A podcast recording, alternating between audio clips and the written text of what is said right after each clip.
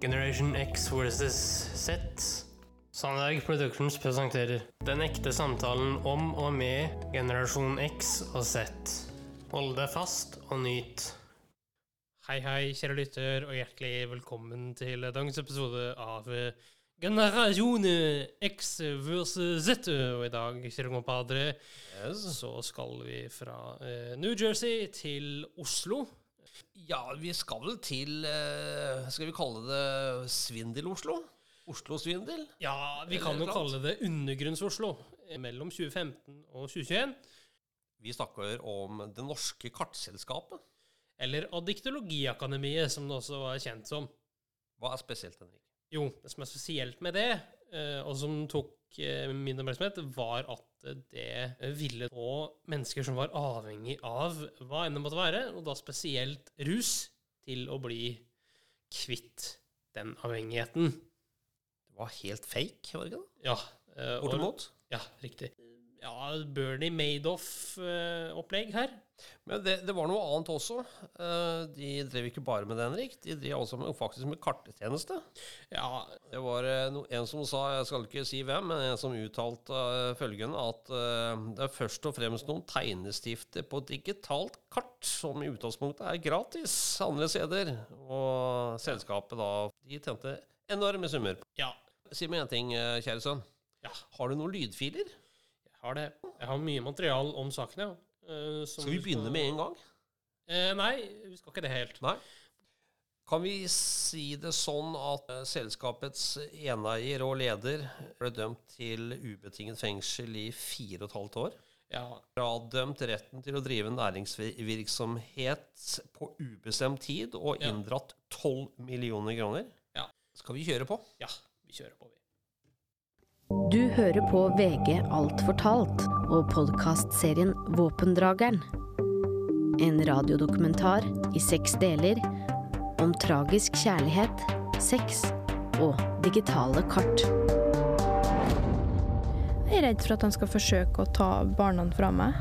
At dette skal være en, en sekt som, som straffer utbrytere, det, det, det benektes på det mest bestemte. At du står og ringer på klokka og kaller meg en sleip jævla ål. For får jeg for første gang høre stemmen som sier 'Du er en svindler, du, din jævla svindler'.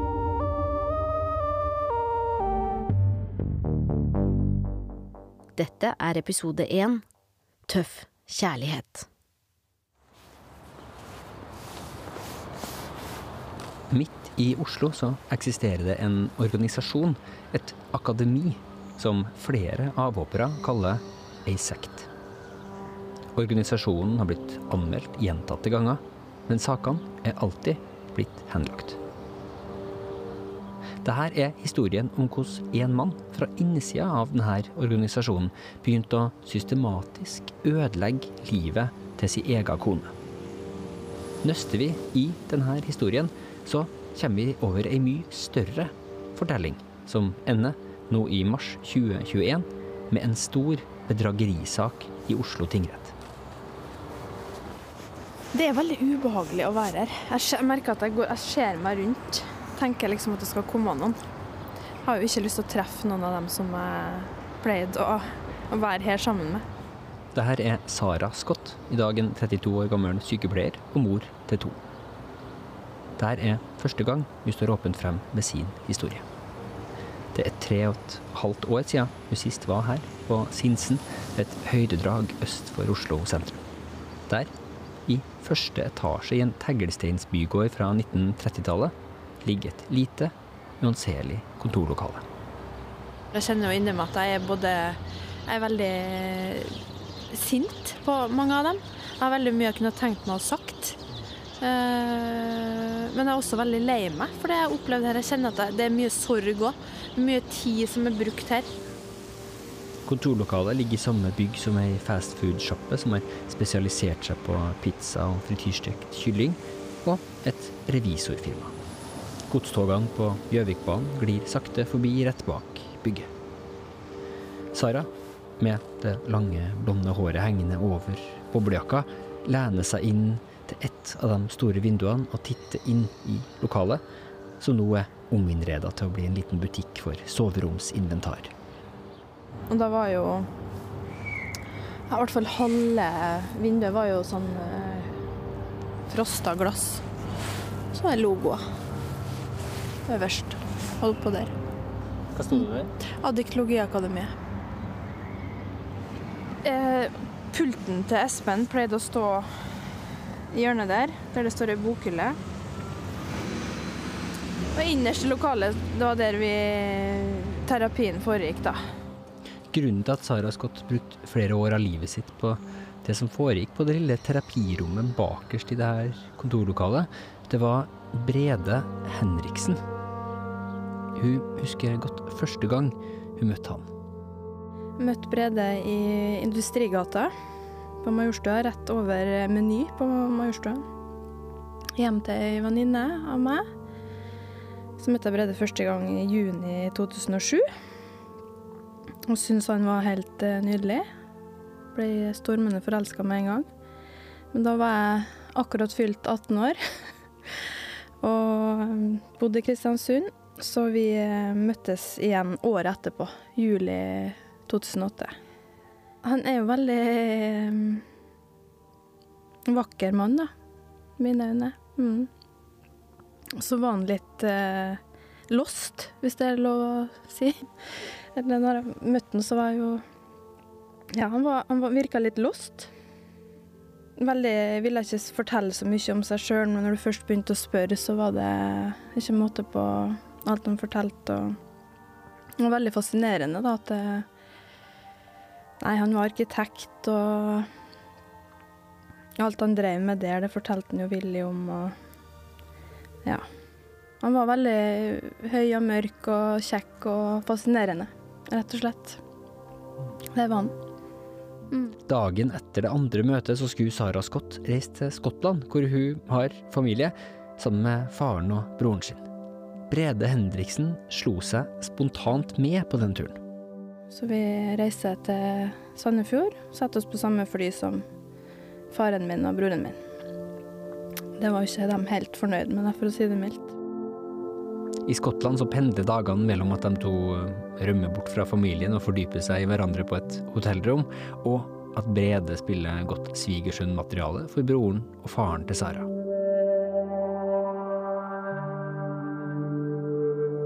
Men Brede var, som Sara sier det, lost. Han holdt på å miste kontrollen over en omfattende rusbruk. Men han var samtidig en ressurssterk arkitekt, han var sjølreflekterende og hadde et mildt vesen. Så det blir veldig intenst og veldig voldsomt første månedene. Tar raskt en avgjørelse om at jeg, det her har jeg lyst til. Så jeg sier opp jobben min i Kristiansund og reiser til Oslo. Flytter sammen med Brede. Ja. Og i januar 2009, ja, på våren 2009, så er jeg gravid med vårt første barn. Gjennom hardt arbeid og et opphold på en avrusningsklinikk på Sørlandet, så klarte Brede å slutte å ruse seg. Som en del av ettervernet han hadde betalt for i forbindelse med avrusninga, så ble Brede kobla til en organisasjon som kunne hjelpe han etter at han hadde blitt nykter. Adiktologiakademiet. Det er en organisasjon som skal hjelpe personer som sliter med avhengighet, om det er til rusmidler, porno, sex eller mat. Brede og Sara ble med på gruppetimer i Kristiansand. Dit flytta også den lille familien etter avrusninga. Du får tegna opp noen matriser på ei tavle med hvordan man til slutt har endt opp som rusavhengig. Og i deres øyne så var jo jeg også syk, medavhengig til den rusavhengige. da. Mista mammaen min da jeg var syv år gammel, så jeg vokste opp med, en, med pappaen min og broren min. Så det var naturlig for meg å ta ansvar veldig tidlig. da. Så det var jo gjenkjennbart at jeg også tok ansvar for den rusavhengige. Mm. Sara og Brede fikk sitt andre barn, og Brede holdt seg nykter. Mye på grunn av reglene og verktøyene han hadde fått fra Adiktologiakademiet. Men Sara merka at det på enkelte av gruppeterapiøktene står en mann og lener seg mot dørkarmen i bakgrunnen. En mann med lyst hår, kledd i røffe, men åpenbart litt kostbare klær. Jeg tror vi er like Jeg er 57, så han er ikke så mye høyere enn meg. Eh, Veltrent, solbrun, eh, glad i bling. Det er gull, og det er dyre merkeklær, og det er tøffe biler. Veldig sånn eh, brei østkantdialekt. Mm. Veldig skremmende, og samtidig veldig tiltrekkende. Det var Espen Andresen, grunnleggeren og lederen av Addiktologiakademiet. Jeg tror ikke jeg kosta han en kalori å skjelle ut en vilt fremmed. Samtidig så var det jo tiltrekkende det han sa, at det fantes en løsning på problemet. At uh, vi kunne bli gode foreldre. At Brede kunne fortsette å være rusfri. At ikke han uh, Hvis han fulgte det her, så kunne han holdt seg rusfri. Jeg tror at jeg gjør det jeg gjør i dag. Dette er stemmen til Espen Andresen fra et foredrag lagt ut på YouTube-kanalen til et sentralt addiktologimedlem, hvor han sjøl beskriver med egne ord hvorfor han vil jobbe som terapeut. Og har lært det jeg har lært, og overlevd det jeg har overlevd, fordi at jeg skal gjøre akkurat det jeg gjør i dag, og holde på å hjelpe sånn som Laila og alle andre som vil ha hjelp, til å på en måte praktisere dette her. Opplevd hans historie som en fyr som har vært oppriktig, og som kanskje også er det, sånn i hvert fall ønsket å hjelpe mennesker, da. VG-journalist Gordon Andersen har, sammen med makkeren Erlend Ofte Arntzen, brukt flere år på å grave i hele det her sakskomplekset denne podkasten handler om. Deres jakt etter å forstå hvordan det hele hang sammen, var sentral for å avdekke det som nå, i 2021, har endt opp som en stor rettssak mot en kvinnelig lederskikkelse i addiktologimiljøet og hennes selskap. I forbindelse med Gordon og Erlends undersøkelser har de også forsøkt å forstå Espen Andresen. Han er en klassisk eh, østkantgutt. Ble født på slutten av 60-tallet, vokste opp i, i, i en av disse drabantbyene utenfor Oslo sentrum. Andresen har skrevet ei bok, en slags sjølbiografi, Fri fra avhengighet, som han utga i 2008 til femmer på terningen i VG. Han ble født i 1965 og starta livet på Ammerud. Han øh, skriver at foreldrene gikk fra hverandre nokså tidlig, og at han begynte å springe med røffe gutter rundt blokkene. På en sommerleir han ble sendt til da han var rundt sju, så begynte han å mobbe en av de andre guttene.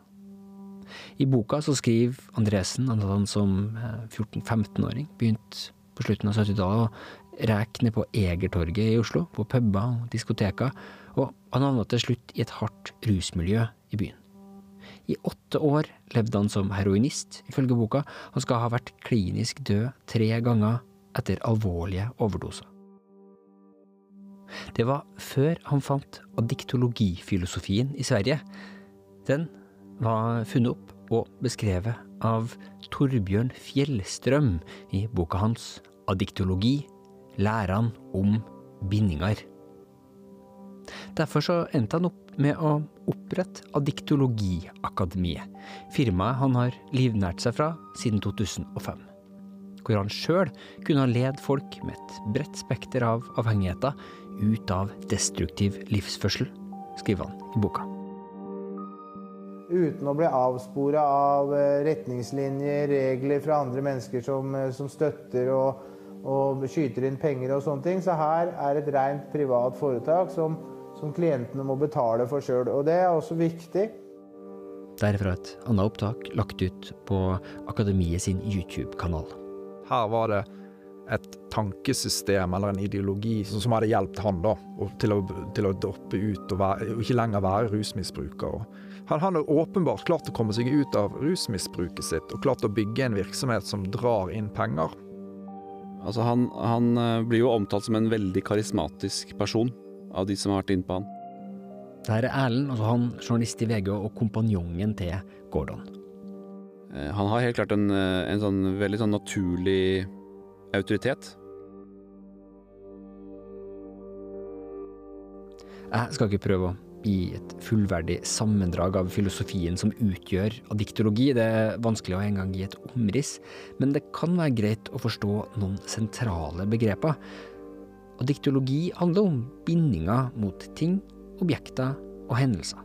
Espen Andresen har sjøl et bredt syn på det han kaller sykelig avhengighet, som han forklarer i dette klippet fra Adiktologiakademiets YouTube-kanal. Hvor fageliten holdt jeg på å si, har fått det fra at vi ikke er avhengig, vi, vi, vi mennesker. Det vet ikke jeg, men jeg vet i hvert fall at jeg er avhengig. Og så er det mennesker som kan gjøre luft i noe sykelig. Den bruker i kombinasjon med, med sexaktiviteter, med struping og kveling og eksperimentering på å ikke tilføre seg surstoff og sånne ting. Bodybuildere som veier avføringa si, veier hva de spiser. Jeg vil påstå det er sykelig. Denne avhengigheten som vi alle har i en eller annen form, den gir seg ofte uttrykk i det som kalles sterb. Short Term Energy Relieving Behavior. Det er alt fra å åpne en potetgullpose og sone ut foran TV-en, til heroin og farlig seksuell atferd. I tillegg så er det et viktig begrep i adiktologien som du så vidt har hørt før medavhengighet. Den som er rundt den avhengige, og støtte opp om avhengigheten. Etter hvert så flytta Sara og Brede fra Kristiansand til Oslo, hvor Espen Andresen drev Adiktologiakademiets hovedkontor i det lille lokalet på Sinsen terrasse. Virkeligheten utenfor akademiet ble stadig fjernere for ekteparet, sier Sara. De sender veldig tydelige signaler om at det, man burde tilbringe tid med andre som er i samme situasjon, for å si det sånn. Være andre som har de samme målene og verdiene. Ja. Og det er klart Hva betyr det? Nei, Som rett og slett driver med adiktologi.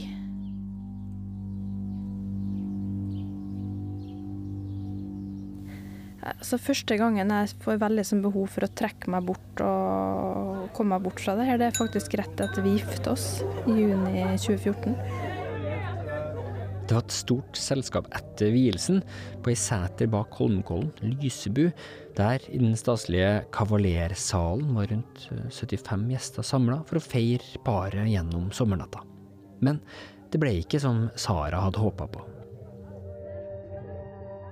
Det bryllupet vårt blir veldig prega av adiktologi. Det handler egentlig bare om adiktologi. Så hele bryllupet åpner med at uh, en av uh, de andre medlemmene i akademiet sier at uh, jeg heter Anders og er alkoholiker. Så da må resten av bryllupet presentere seg. Jeg tror det er en veldig, veldig spesiell opplevelse. Jeg tror ikke jeg må ha vært i et sånt bryllup verken før eller etterpå. Og det er selvfølgelig Jeg var veldig trist. Og jeg har hatt veldig kraftige reaksjoner i etterkant. Syns det var veldig trist at fokuset i bryllupet vårt handla om eh, rusavhengighet og Espens eh, skole og utdanning og Var han til stede? Han var til stede. Mm. Vi hadde veldig vanskelig tid etter bryllupet, for da tok jeg opp de her reaksjonene jeg hadde med Brede, og Brede bega meg ikke noe forståelse for det i det hele tatt. Og da husker jeg at jeg sa til henne at jeg har ikke lyst til det her mer, jeg har ikke lyst til at det her skal være en del av livet vårt. Men Brede ville ikke være med på å trekke seg fra organisasjonen som hadde gitt han det essensielle rekkverket han trengte for å ikke havne tilbake i rusen igjen. Han sa at det kom ikke på tale. Det var enten det eller at ikke vi fortsatte eh, ekteskapet. Sara Scott endte opp med å velge han og adiktologien. Og heller enn å ta mindre plass i livene deres, så tok Adiktologiakademiet mer plass, ifølge Sara. Det var stadige gruppesamlinger, ofte ute på det som ble kalt addikthus, en stor villa i Åros mellom Drammensfjorden og Oslofjorden. Pleide å være sommerfest. Hvert år så var det en sånn sommerfest med der eh, et par stykker holdt eh, en slags sånn livshistorie, og det var enkelte som spilte trommer og spilte gitar. Det var jo andre familier der som hadde barn, så det var veldig hyggelig for våre barn. Og mens de sosiale båndene i, i livet i stadig større grad gikk via Adiktologiakademiet, så begynte Sara og Brede også å binde seg stadig mer opp økonomisk. Du betaler 2000 i måneden for å gå i gruppe. Og så Og det er jo én dag i uka. Og så er du praktikant. Det er viktig å være hvis du vil ta ansvar for prosessen din, da. Det er vel en, hver 14. dag, en hel kveld. Som praktikant så skulle du, ifølge Sara, blant annet jobbe for å vise frem akademiet og spre ordet. Det kan være at du skal ringe til NRK, eller du skal ringe til VG for å fortelle hvor fantastisk du har fått etter du begynte med diktologi. Det kan være at du skal henge flyers på bilene rundt omkring. En av de tingene som Sara Scott gjorde, ifølge hun sjøl, det var å vaske kontorlokalet på Sinsen. Tre og et halvt år senere så er hun altså tilbake ved lokalet. Jeg pleide å låse meg inn her på søndager alene og vaske doen. Praksis. På ukentlige gruppetimer i rommet bakerst i lokalet så møtte klientene som hadde betalt for terapi opp, for samlinger som kunne vare i timevis. Man satt i ring, veldig sånn pinlig stillhet, og så var det da eh, sånn at man eh, skulle plukke opp ei bok som lå rundt et stort eh, stort sånn keramikk hva skal jeg kalle det, lysestake med, med et kubbelys i midten. Så det var alltid tent da når, du kom inn i rommet. Og det var ei eh, tavle til venstre i rommet, som eh, han gjerne brukte deler av visninga til å eh, gruppetida til å undervise i. da. En av de tingene som foregikk på de her gruppemøtene, hvor Sara, Brede og flere titalls andre mennesker deltok, var det som ble kalt tøff kjærlighet. Tøff kjærlighet er vel når du havner i dette i det hot seat. Det her er journalist Erlend Lofte Arntzen igjen, som har snakka med veldig mange tidligere og nåværende adiktologer. Når du skal på en måte bli lekset opp om alt som er galt i livet ditt, på en sånn måte at livet ditt kan bli litt bedre. Um, og da er det jo på- på en måte noe vondt du må gjennom, men som er til eh, et slags sånn større gode da, for deg selv og for de, for de rundt deg. Da trenger du tøff kjærlighet. Men, ehm, men denne tøffe kjærligheten får jo utslag i, i ting som ehm, og, og måter å snakke til folk på som eh, blir beskrevet da som ren utskjelling i praksis. Da. I de her gruppetimene så ble klienter oppfordra til å innrømme ting fra livet sitt. Opplever et, eh, et press om å innrømme stadig mer, eh, dele stadig mer. Um, på en sånn måte at det- er på en måte ikke nok å fortelle hva som er sant heller. At du må, du, de må liksom trekke det lengre. For flere avhoppere som vi har vært i kontakt med, de beskriver at de etter hvert begynte å finne på ting å si i terapitimene. Ting som var ekstremt nok til at de fikk en reaksjon fra lederen og andre adiktologiklienter. Bare for å vise at man var seriøs i sjølgranskinga si. Her er Sara igjen. Beskyldninger mot familie, og beskyldninger om seksuelle overgrep, og beskyldninger om vold og eh, omsorgssvikt og ja. Og det er det helt sikkert mennesker inni der som har opplevd også, det er ikke det jeg sier, men eh, eh, veldig små ting blir, blir etter hvert eh, laga historier som ikke stemmer også. Verktøyene Brede, Sara og andre diktologiklienter fikk, beskriver mange som nyttige, men det virka ikke som om det var noe slutt på behandlinga, mener Sara. Man er jo aldri frisk. Det var jo det jeg så til slutt. Du, du blir aldri frisk.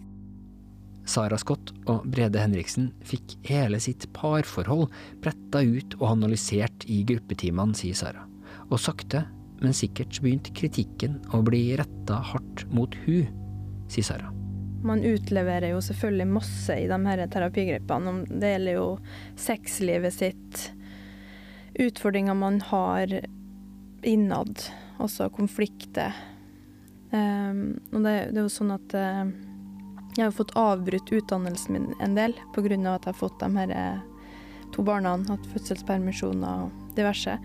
Så jeg holder på å fullføre utdanninga mi den høsten der, 2016. Og da er Espen veldig opptatt av at jeg ikke bidrar på samme måte som Brede gjør, økonomisk. Det blir fremlagt sånn at Brede At jeg på en måte selger meg i, i ekteskapet vårt. At jeg er en slags prostituert i eget ekteskap. At betalinga Brede får, er i form av sex. Så hans normale drivkrefter og mine normale vårt seksualliv som par blir da fremstilt som noe sykt. Ja. At jeg har en slags eh, betaling i form av sex, da. Så det er jo ting som blir, blir granska. Når vi har sex, hvordan vi har sex. Eh, at jeg straffer ved å ikke ha sex. Ja. Diskuteres det her i fellesskap? Diskuteres i fellesskap. Så da sitter, ja. da sitter dere i ring rundt denne keramikklyset på Sinsen, mm. diskuterer det i et rom fullt med andre? Ja, fullt med andre. Ja. Mm. Som Sara forteller det, så ble det etter hvert fremstilt som at det var hun som var Bredes medavhengige, som trua tilfriskninga hans. Han lever sammen i et eh, destruktivt forhold med meg, og jeg sørger for å ødelegge for han. I jula 2016, da de hadde vært fem år i akademiet, så feira Brede og Sara, med ungene, som da var seks og fire år gamle, høytida i leiligheten deres på Sankthanshaugen. Denne romjula så hadde Brede steget i gradene og fått lov til å lede noen sesjoner sjøl. Men så, dagen før nyttårsaften, kom Brede seint hjem etter et møte på akademiet. Sara satt og så på TV i sofaen i stua. Brede sa at de to måtte snakke sammen, de satte seg ned ved spisebordet. Brede sa at han mente at de to måtte gå fra hverandre. Sara begynte å grine. Hun trygla han mens barna sov på soverommet vegg i vegg om at de måtte forbli sammen. Men Brede sto på sitt.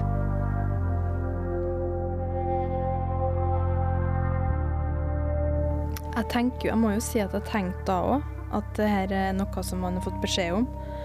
Og at hvis han skal fortsette å være en del av adiktologi og få ha de gode vennene han har der, og få være en del av miljøet, så må han kvitte seg med meg. Jeg tenker det med en gang. Jeg gjør det. Men det er jo sånn at når noen sier det mange nok ganger til, så må jeg nesten ta det innover meg at han vil ikke at vi skal være sammen. Han vil skilles. Og da Jeg må nesten ta det innover meg etter hvert. Men jeg bruker tid på det. Jeg prøver desperat mange ganger å nå inn til en. At jeg ikke vil det her. Jeg er villig til å gjøre hva som helst for at vi skal få det til. Det er det her jeg ønsker. Jeg ønsker at vi skal være sammen, og vi skal være den familien vi er. Men det er helt eh, låst.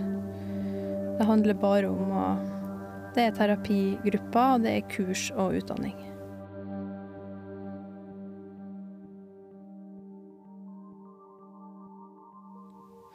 Etter det her så fortsatte begge to likevel å gå i terapi på Sinsen. Så, i januar 2017, mens Sara og Brede fortsatt prøvde å finne ut hvordan de to skulle klare å bo fra hverandre, så ble Sara kalt opp til kontoret. På kontoret så møtte også Brede, Espen Andresen og ei ny kvinne i denne historien. En 38-åring med mørkt, langt hår, velfriserte negler og en elegant klesstil. Brede Espen og denne kvinna hadde invitert med seg én person til. Det husker jeg veldig godt, for det var samme dag som vi arrangerte barnebursdag for eh, et av barna våre. Så blir svigerfaren min kalt opp på Sinsen, og da får jeg beskjed om å fortelle svigerfaren min hvordan jeg egentlig er. At jeg har uh, hatt one night stands, hvem har hatt sex med, hvordan har hatt sex med dem. Det blir fremstilt som at jeg har uh, hatt over normalen seksualpartnere, da. Men de sier det her må du si til din sykefar'? Ja.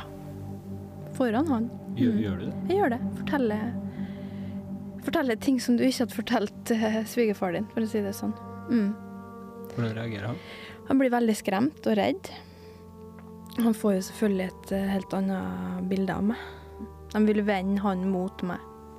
Det er i alle fall Saras påstand. Etter konfrontasjonen så gikk hun fra kontoret på Sinsen og ut i januarnatta. Uttømt, forvirra og redd. Fra Sinsen så går det en lang bakke ned mot Oslo-gryta.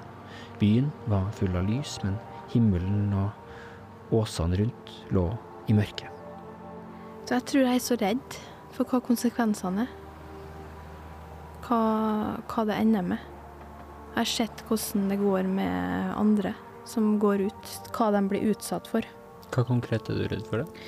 Jeg er redd for at de skal forsøke å ta barna fra meg. Um, at eh, den informasjonen jeg har utlevert, skal bli vridd og vendt og brukt imot meg. Det er jeg redd for. Mm.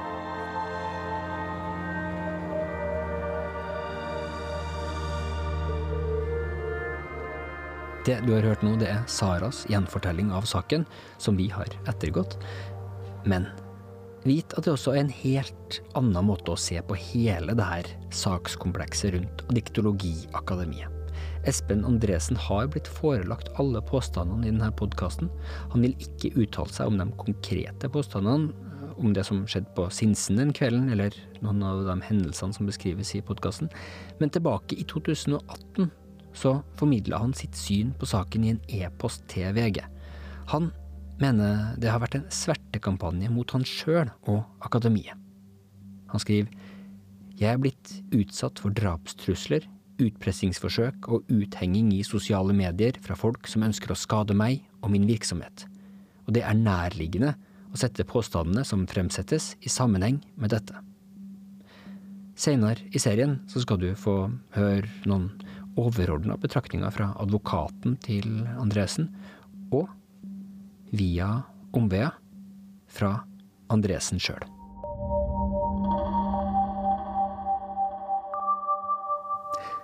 Etter kvelden på Sinsen så gikk Brede lenger og lenger inn i akademiet.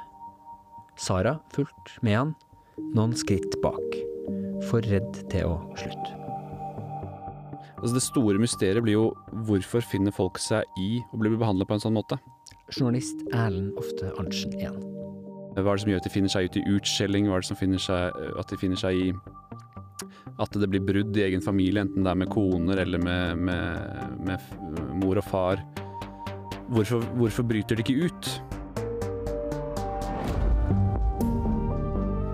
I neste episode av Våpendrageren så skal vi prøve å komme nærmere et svar på det spørsmålet. Når du skal få høre historien fra Brede Henriksen si side.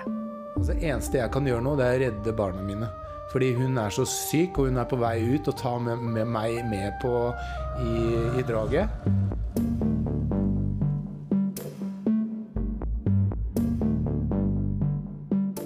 Alle sakene mot Espen Andresen og Adiktologiakademiet har blitt henlagt av politiet.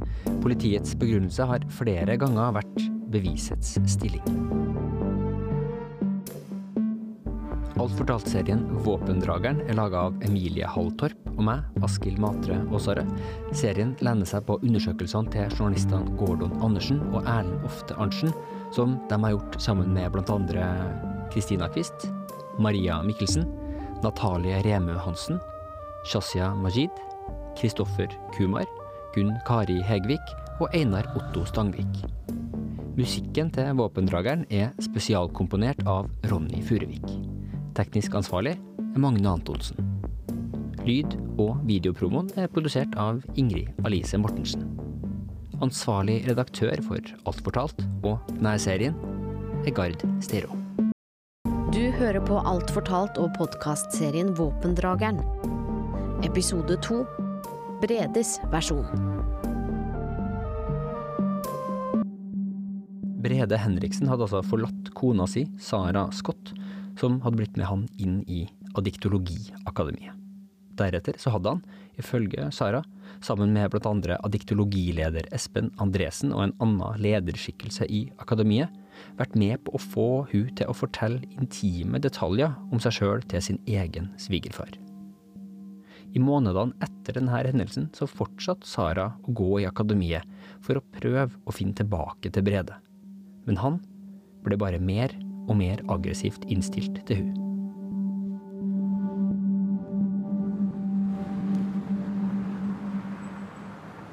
Hei, hei!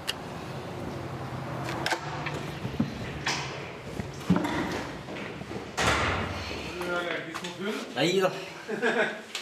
Så kommer det en elleve måneder labrador. Han er bare veldig glad. Det her er Brede Henriksen, far til Sara Scotts barn, og mannen som i 2017 starta det han sjøl i dag kaller en krig mot Sara.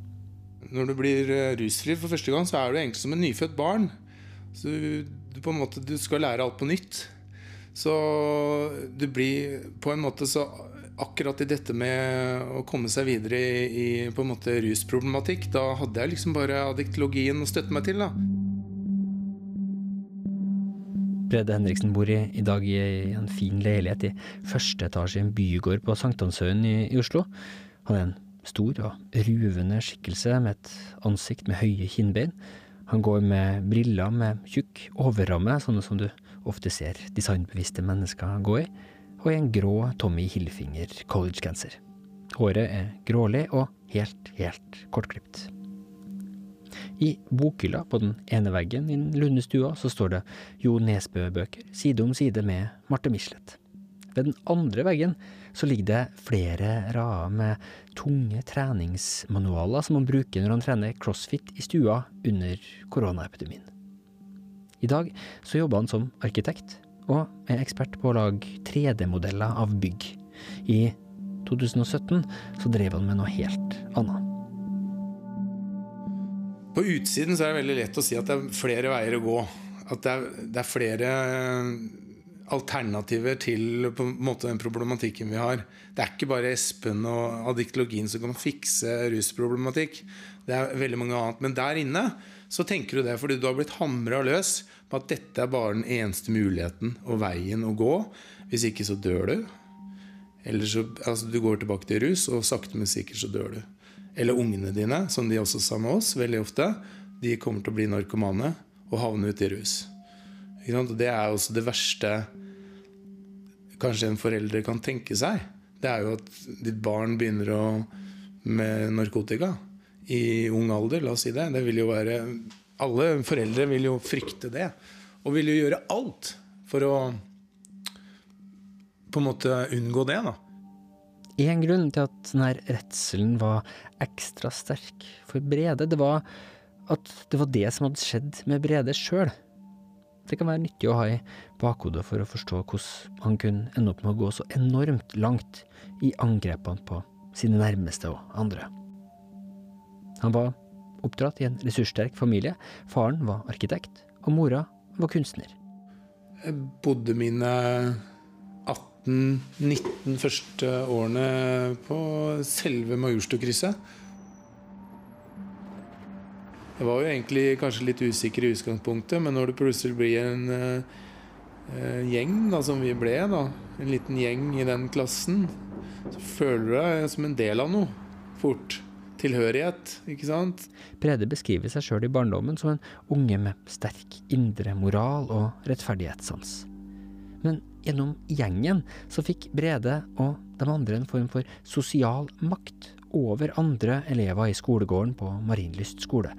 Og den trumfa det her indre kompasset. Jeg endte jo opp som å bli en mobber til slutt. Jeg husker jo at jeg fant f.eks. en som var litt sånn uh, En ting som jeg gjorde, på en måte var liksom Jeg fant en som var litt sånn overvektig, da. Og i hvert friminutt så gikk jeg og boksa på magen hans. da. Så det handla det veldig mye om, kanskje i et halvt år. Han var jo livredd, men han var jo egentlig mye større enn meg. Men til slutt da, så fikk jo han nok, da, når vi kom opp på sjette. Og da tok han igjen. Vi, vi begynte å slåss, og så havna den ut i skolegården. Og det var alle, hele skolen var med. ikke sant? Og jeg hadde jo slått på han alle og hadde fått med seg dette. Så tok han igjen, da. Og han deisa på meg flere ganger. Egentlig så hadde han jo tatt meg fra første sekund, sikkert. Men det var fordi jeg liksom var ute og frampå, tøff i trynet, på en måte. Det å holde posisjonen sin i gjengen og ikke havne nederst på rangstigen, ble viktig for Brede. Det verste jeg visste, var liksom å bli satt utenfor.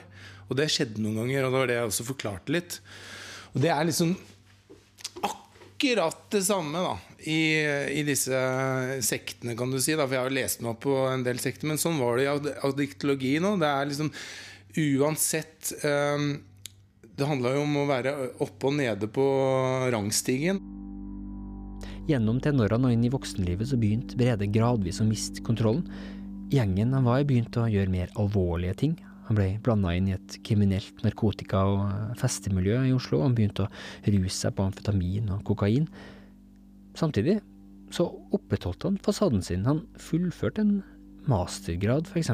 Men i 2009, da han var blitt 35, så begynte han å miste kontrollen på ordentlig.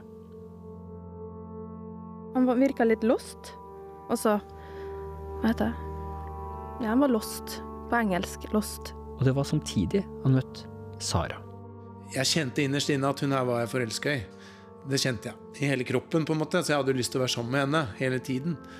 Det er liksom når, når du får den følelsen, det er noe på en måte at du har ikke lyst til å gjøre noe annet enn å henge med henne, så er det jo på en måte Det er jo noe ved det, da. Parallelt med det her så, så gikk rusavhengigheten hans ned ei trapp, som han sier. Når jeg fikk være aleine, så syntes jeg det var jo så slitsomt med det der dobbeltlivet som jeg forklarte om. Alt det som måtte stemme, alt det jeg måtte finne på, alt sånne ting. Som gjorde at jeg bare Å, herregud, kan jeg ikke bare gå ut på den verandaen og bare hive meg ut? Det er egentlig litt lettere istedenfor å sitte her og tenke ut hva jeg Og det er så slitsomt. Sara og Brede prøvde å starte et liv sammen.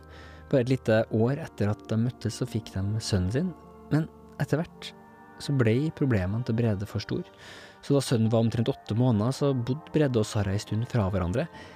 De dagene Brede hadde ansvar for sønnen, så fortsatt nattsida av livet til Brede. Når jeg hadde ansvaret for sønnen min, så fortsatte jeg å selge litt. Hadde han i baksetet på bilen, blant annet. Solgte litt eh, dop. En av kveldene når Brede var alene med sønnen, så la han ungen i sprinkelsenga si til leggetid. Før han satte seg foran laptopen for å gamble på nett. Så jeg satt jo da og gambla, og plutselig ble klokka seks. Og så tenker jeg at liksom nå er det en time til han skal opp. Da får jeg bare holde meg våken, da. Ikke sant? Nå kan jeg jo ikke gå og legge meg. For hvis jeg legger meg nå, så sover jeg jo 20 timer. Og så tenkte jeg ok, greit, da legger jeg meg på senga bare og tar med meg PC-en inn på senga. Og så sovner jeg jo selvfølgelig. Og da har han ved rommet ved siden av, vegg i vegg. Så Nei, det Jeg kjenner jeg blir lei meg nå, det jeg skal si nå. For det, var, det er jo sårt. Og det Og da våkner jo han klokka sju. Det, det, er jo Jeg prøver jo liksom å le for å få bort sorgen, da, men han våkner jo klokka sju, og han øh, tenker jo 'Hvor er pappa?' liksom. Og det som er Og han har sikkert og heldigvis var han jo en sprinkelseng, og han var, un, han var kanskje bare elleve måneder. Og så våkner han, og det er jo ingen der. Eh, ikke sant? Og jeg sover i seks eller sju timer, tror jeg. Og, um, og jeg bare våkner av meg sånn helt brått. Og så, jeg, og så, bare skjønner jeg at ok, nå er jeg her. Og så bare Hvor er jeg? Og så bare hører jeg en bitte liten sånn, sånn lyd fra, fra dynene som bare rører seg litt. Og det var sikkert han som skjønte at jeg var våkna. Da. Jeg, jeg vet ikke, Han lagde litt, for det var helt stille når jeg våkna. Så lagde han en liten lyd. Og så går, ja, det er sårt. Så går jeg inn til det går jeg til rommet, og så står han da i springersen og holder, og så ser han på meg, og da smiler han jo. Ikke sant? Og er veldig glad for at han ser meg. Men så ser jeg jo i, i øynene hans at han har grått mye, for han er rød nedover. Og, ikke sant? Så gudene meg, den tiden han de seks timene da, hvor han har liksom bare prøvd å kanskje ropt litt på meg, grått veldig mye ja, En traumatisk opplevelse for han da han var elleve måneder. Pappaen var jo ikke der på seks-sju timer. Ikke sant? Um, ja, det var uh, helt forferdelig. Men jeg husker at jeg, jeg ble så glad da når han smilte til meg. Men da brøyt jeg sammen også. Fordi det var jo Ja, det var sårt. Det ble bunnpunktet for Brede Henriksen. Og denne hendelsen, sønnen forlatt i sprinkelsenga med de størkna tårene nedover kinnet, ble selve urscenen i livet hans. Redselen for at det skulle gjenta seg, beskriver han som den viktigste drivkrafta for å klare å bli nykter. Og det var det som gjorde at han ble spesielt fascinert for metodene på Adiktologiakademiet.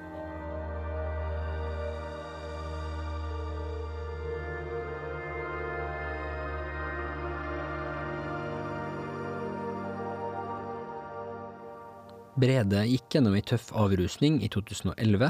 Etter det så fant han og Sara sammen igjen, og Brede ble pekt av den private avrusningsinstitusjonen til Addiktologiakademiet sitt Kristiansand-kontor for den lange veien videre etter den akutte avrusninga. Der deltok han i gruppeterapi, hvor en rolig addiktologiterapeut leda samtalene. Men etter hvert så begynte Brede, som Sara også hadde gjort omtrent samtidig, å legge merke til en mann som kom for å observere møtene. Sånn her husker Brede det. Første møte med han var eh, da, da, var jeg bare inne. Da bare sto han litt sånn og skula på meg i bakgrunnen. Og da, og, da, visste jeg ikke at det var han engang, så han drev bare og sikkert skula på meg og, og studerte meg. Aner ikke. Men da sånn, tenkte jeg hvem er han idioten der, tenkte jeg da. Etter hvert så begynte denne mannen, grunnleggeren av akademiet, Espen Andresen, og led terapitimer hvor Brede og Sara var med. Jeg ble litt sånn fascinert av måten han uh, liksom satt seg ned og, og håndterte den terapisession vi hadde da. måte, da var det jo noen som liksom hadde vært helt uh, det var, Jeg husker jeg var en jente da som på en måte drev og holdt på jugde og var i? Det er veldig sånn snakk om å være tilbake i den ruspersonligheten sin. Jeg ble veldig fascinert over hvordan han jobba med henne og på en måte avslørte henne. Samtidig som han på en måte eh, Han avslørte den ruspersonligheten henne. Og liksom avslørte at hun hadde liksom Hun var på vei ut til å ruse seg igjen. da. Det er jo sånn Når du blir avslørt, så har du bare lyst til å gå. Her Når jeg ble avslørt, så på hva jeg holdt på med her og, så da har du bare lyst til å forsvinne ikke sant? og aldri komme tilbake. Men han klarte på, på en måte å få henne inn igjen og hadde lyst til å fortsette. Espen Andresen hadde altså, som Brede så han, en helt spesiell evne til å guide folk som sleit med ruspersonligheten.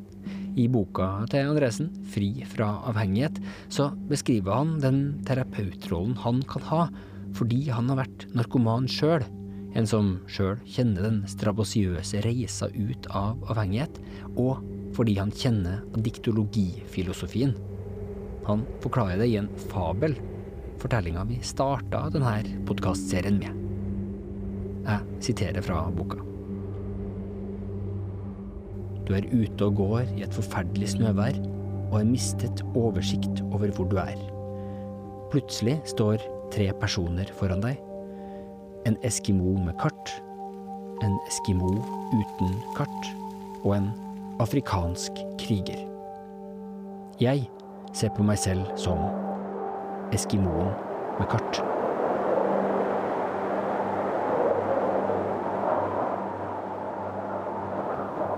De andre i avrustningsapparatet var enten inuitter uten kart eller afrikanske krigere altså folk som ikke sjøl hadde erfaring med å komme seg ut av isødet, ifølge boka. Andresen sjøl beskriver egne nedslående opplevelser som ansatt på avrusningsinstitusjoner i Norge, som han sier det i dette klippet fra Akademiet sin YouTube-kanal. Og jeg så at de hadde dårlige resultater. De juksa med forskningsrapporter. De eh, manipulerte, og de drev med symptombehandling. Da, og det var ganske frustrerende å gå i det systemet der. da. Og ved å på en måte ha en tro, ha en filosofi og praktisere den, altså troa opp imot en filosofi, da, så var det det vanskelig på en måte å Og når man har et indre ønske om å gjøre en endring, et indre ønske om å bidra til å skape noen resultater Og resultatet med det man skal jobbe med når man jobber med rusavhengig, det er jo å få en, en rusavhengig rusfri. Espen Andresen ble etter hvert et så stort nærvær i Bredes liv at det ifølge Brede sjøl endra hele måten han tenkte på, men også bare mer konkret måten han snakka på. Jeg vet ikke hva jeg snakker i dag, men det er jo sånn at når jeg hadde gått i akademiet, så snakket jeg jo også sånn som Espen. Det blir jo sånn i sektorråd, du begynner å kle deg og snakke sånn som sektlederen til slutt. ikke sant? Så han hadde jo Han snakker jo fra Han er fra på østsiden, ikke sant? Og snakker mer med banan og, og, og, på den. Så jeg har jo på en måte i dag har jeg sikkert noe Snakker jeg sikkert begge deler, men jeg, i hvert fall så merka jeg at etter to-tre år i akademiet, så begynte jeg å snakke som de gjør på østkanten. Etter flere år i Kristiansand så flytta den lille familien til Oslo og havna tettere inn under Espen Andresen. Brede tok stadig flere kurs. Det var både personlig terapi og en form for lederkursing. Jeg tenkte aldri på å sette meg ned og, og, finne ut hvor mye jeg brukte i måneden. Men jeg brukte jo 20 000 i måneden og betalt inn til han. Det er 240 000 da, i året. Ikke sant? Og Hvis du ikke setter deg ned og regner på det, så gir du han en kvart million i året. VG har sett de her transaksjonene som viser at han betaler rundt 20 000 i måneden i snitt. Jeg hadde jo brent fast i hodet at ok, her er det en fyr, så kanskje jeg skal prøve dette. For da begynner jeg aldri igjen, da. I Oslo, rundt keramikklyset på det lille kontoret på Sinsen, så begynte Sara og Brede sakte, men sikkert å se en mer intens side av terapien. Han har den makten, for han har den kunnskapen han har, da. Um, hvor vi deler alle våre indre problemer og private, personlige ting. Om de tingene vi sliter med i tankene våre, og hva vi har gjort, og ikke minst. Og hvilke tanker vi har hatt. Kan tenke deg det kartoteket han sitter på. Av, av, han har et helt kartotek i hodet sitt på alle de tingene som har blitt fortalt til han om disse menneskene, som han kan da Det er jo farlig. Det er jo skummelt, for da kan jo han bruke det mot mot andre. I jula 2016 så forteller Brede at han hadde fått lov til å sjøl prøve seg som leder for gruppeterapitimer, men det hadde ifølge Brede ikke gått som Espen Andresen hadde ønska. I sin egen terapitime med Espen så skal Brede ha blitt skjelt ut. Ja, først hadde jeg en terapitime med, hvor jeg fikk kjeft i tre timer, og etter den terapitimen så har du liksom du, du, du, du veit ikke helt hva Om du skal Du har bare lyst til å men du har lyst til å æren i behold, men egentlig så har du bare lyst til å legge meg ned på asfalt og begynne å gråte i tre timer. Det, sånn er følelsen. Du er så lei deg fordi du føler deg så råtten og dårlig person. Grunnen til at han hadde feila, skal han ha blitt fortalt, var kona Sara. Det er en som må ta det tøffe valget og gå ut. Ta det første steget og det eh, kommer ikke til å skje med henne. Hun vil bare rive deg med ut, eh, og det er her du kan få den hjelpen. Og så tenker du at ok, da må jeg bare gjøre det, og så koste hva det koste vil. Sara, som hadde begynt å bli kritisk til akademiet, kom til å dra med seg hele familien ned i avgrunnen om ikke Brede sjøl tok grep, var redselen han satt med. Altså, eneste jeg kan gjøre nå, det er å redde barna mine. Fordi hun er så syk, og hun er på vei ut og tar med, med meg med på i, i, draget. Hun var allerede lost, da. Ikke sant?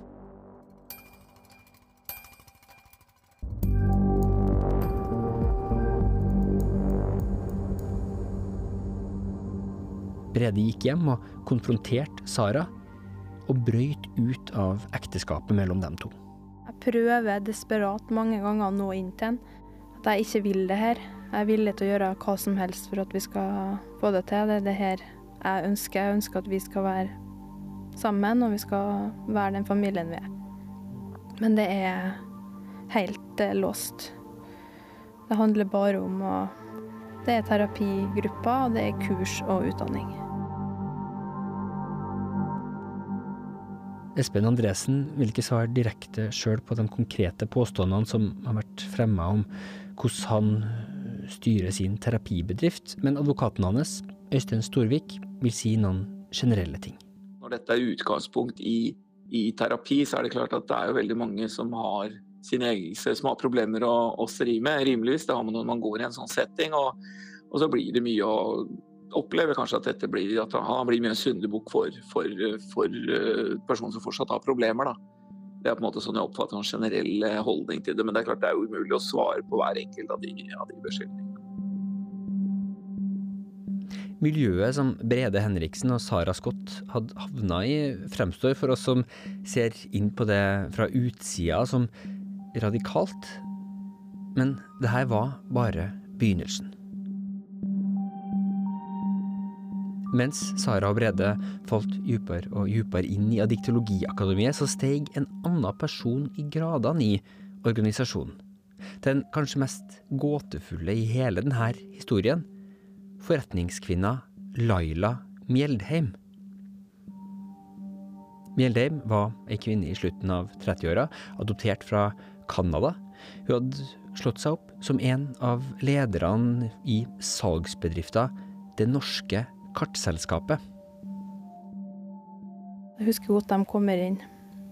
Hun er en veldig flott dame. Veldig velkledd og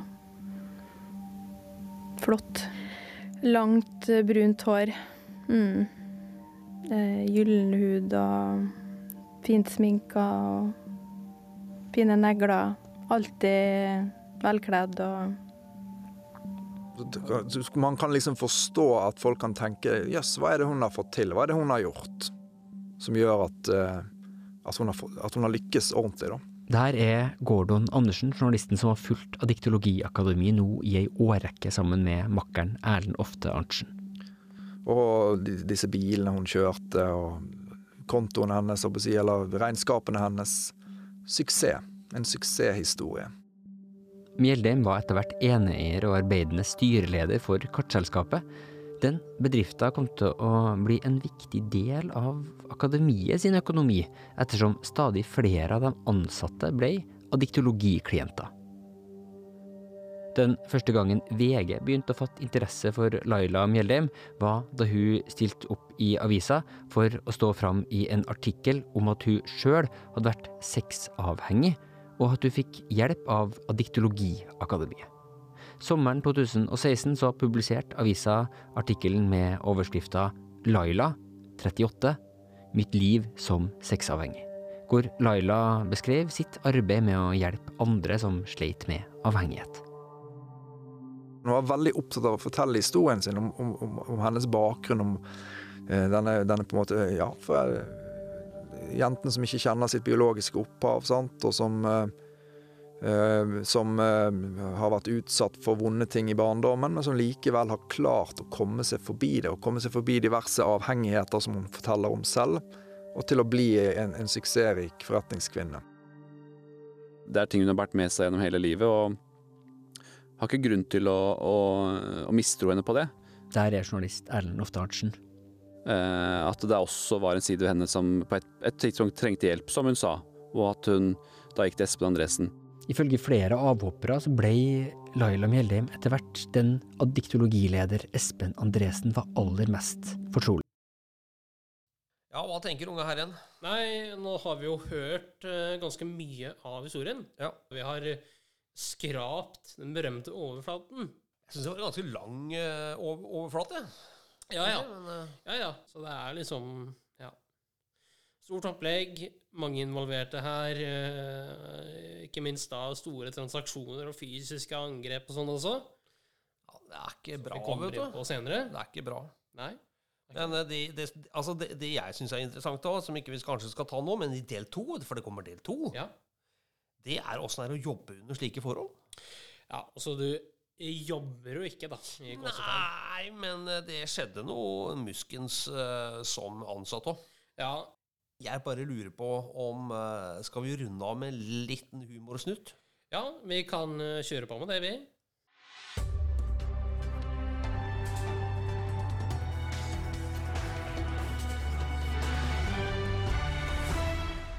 NRK-hjørnet.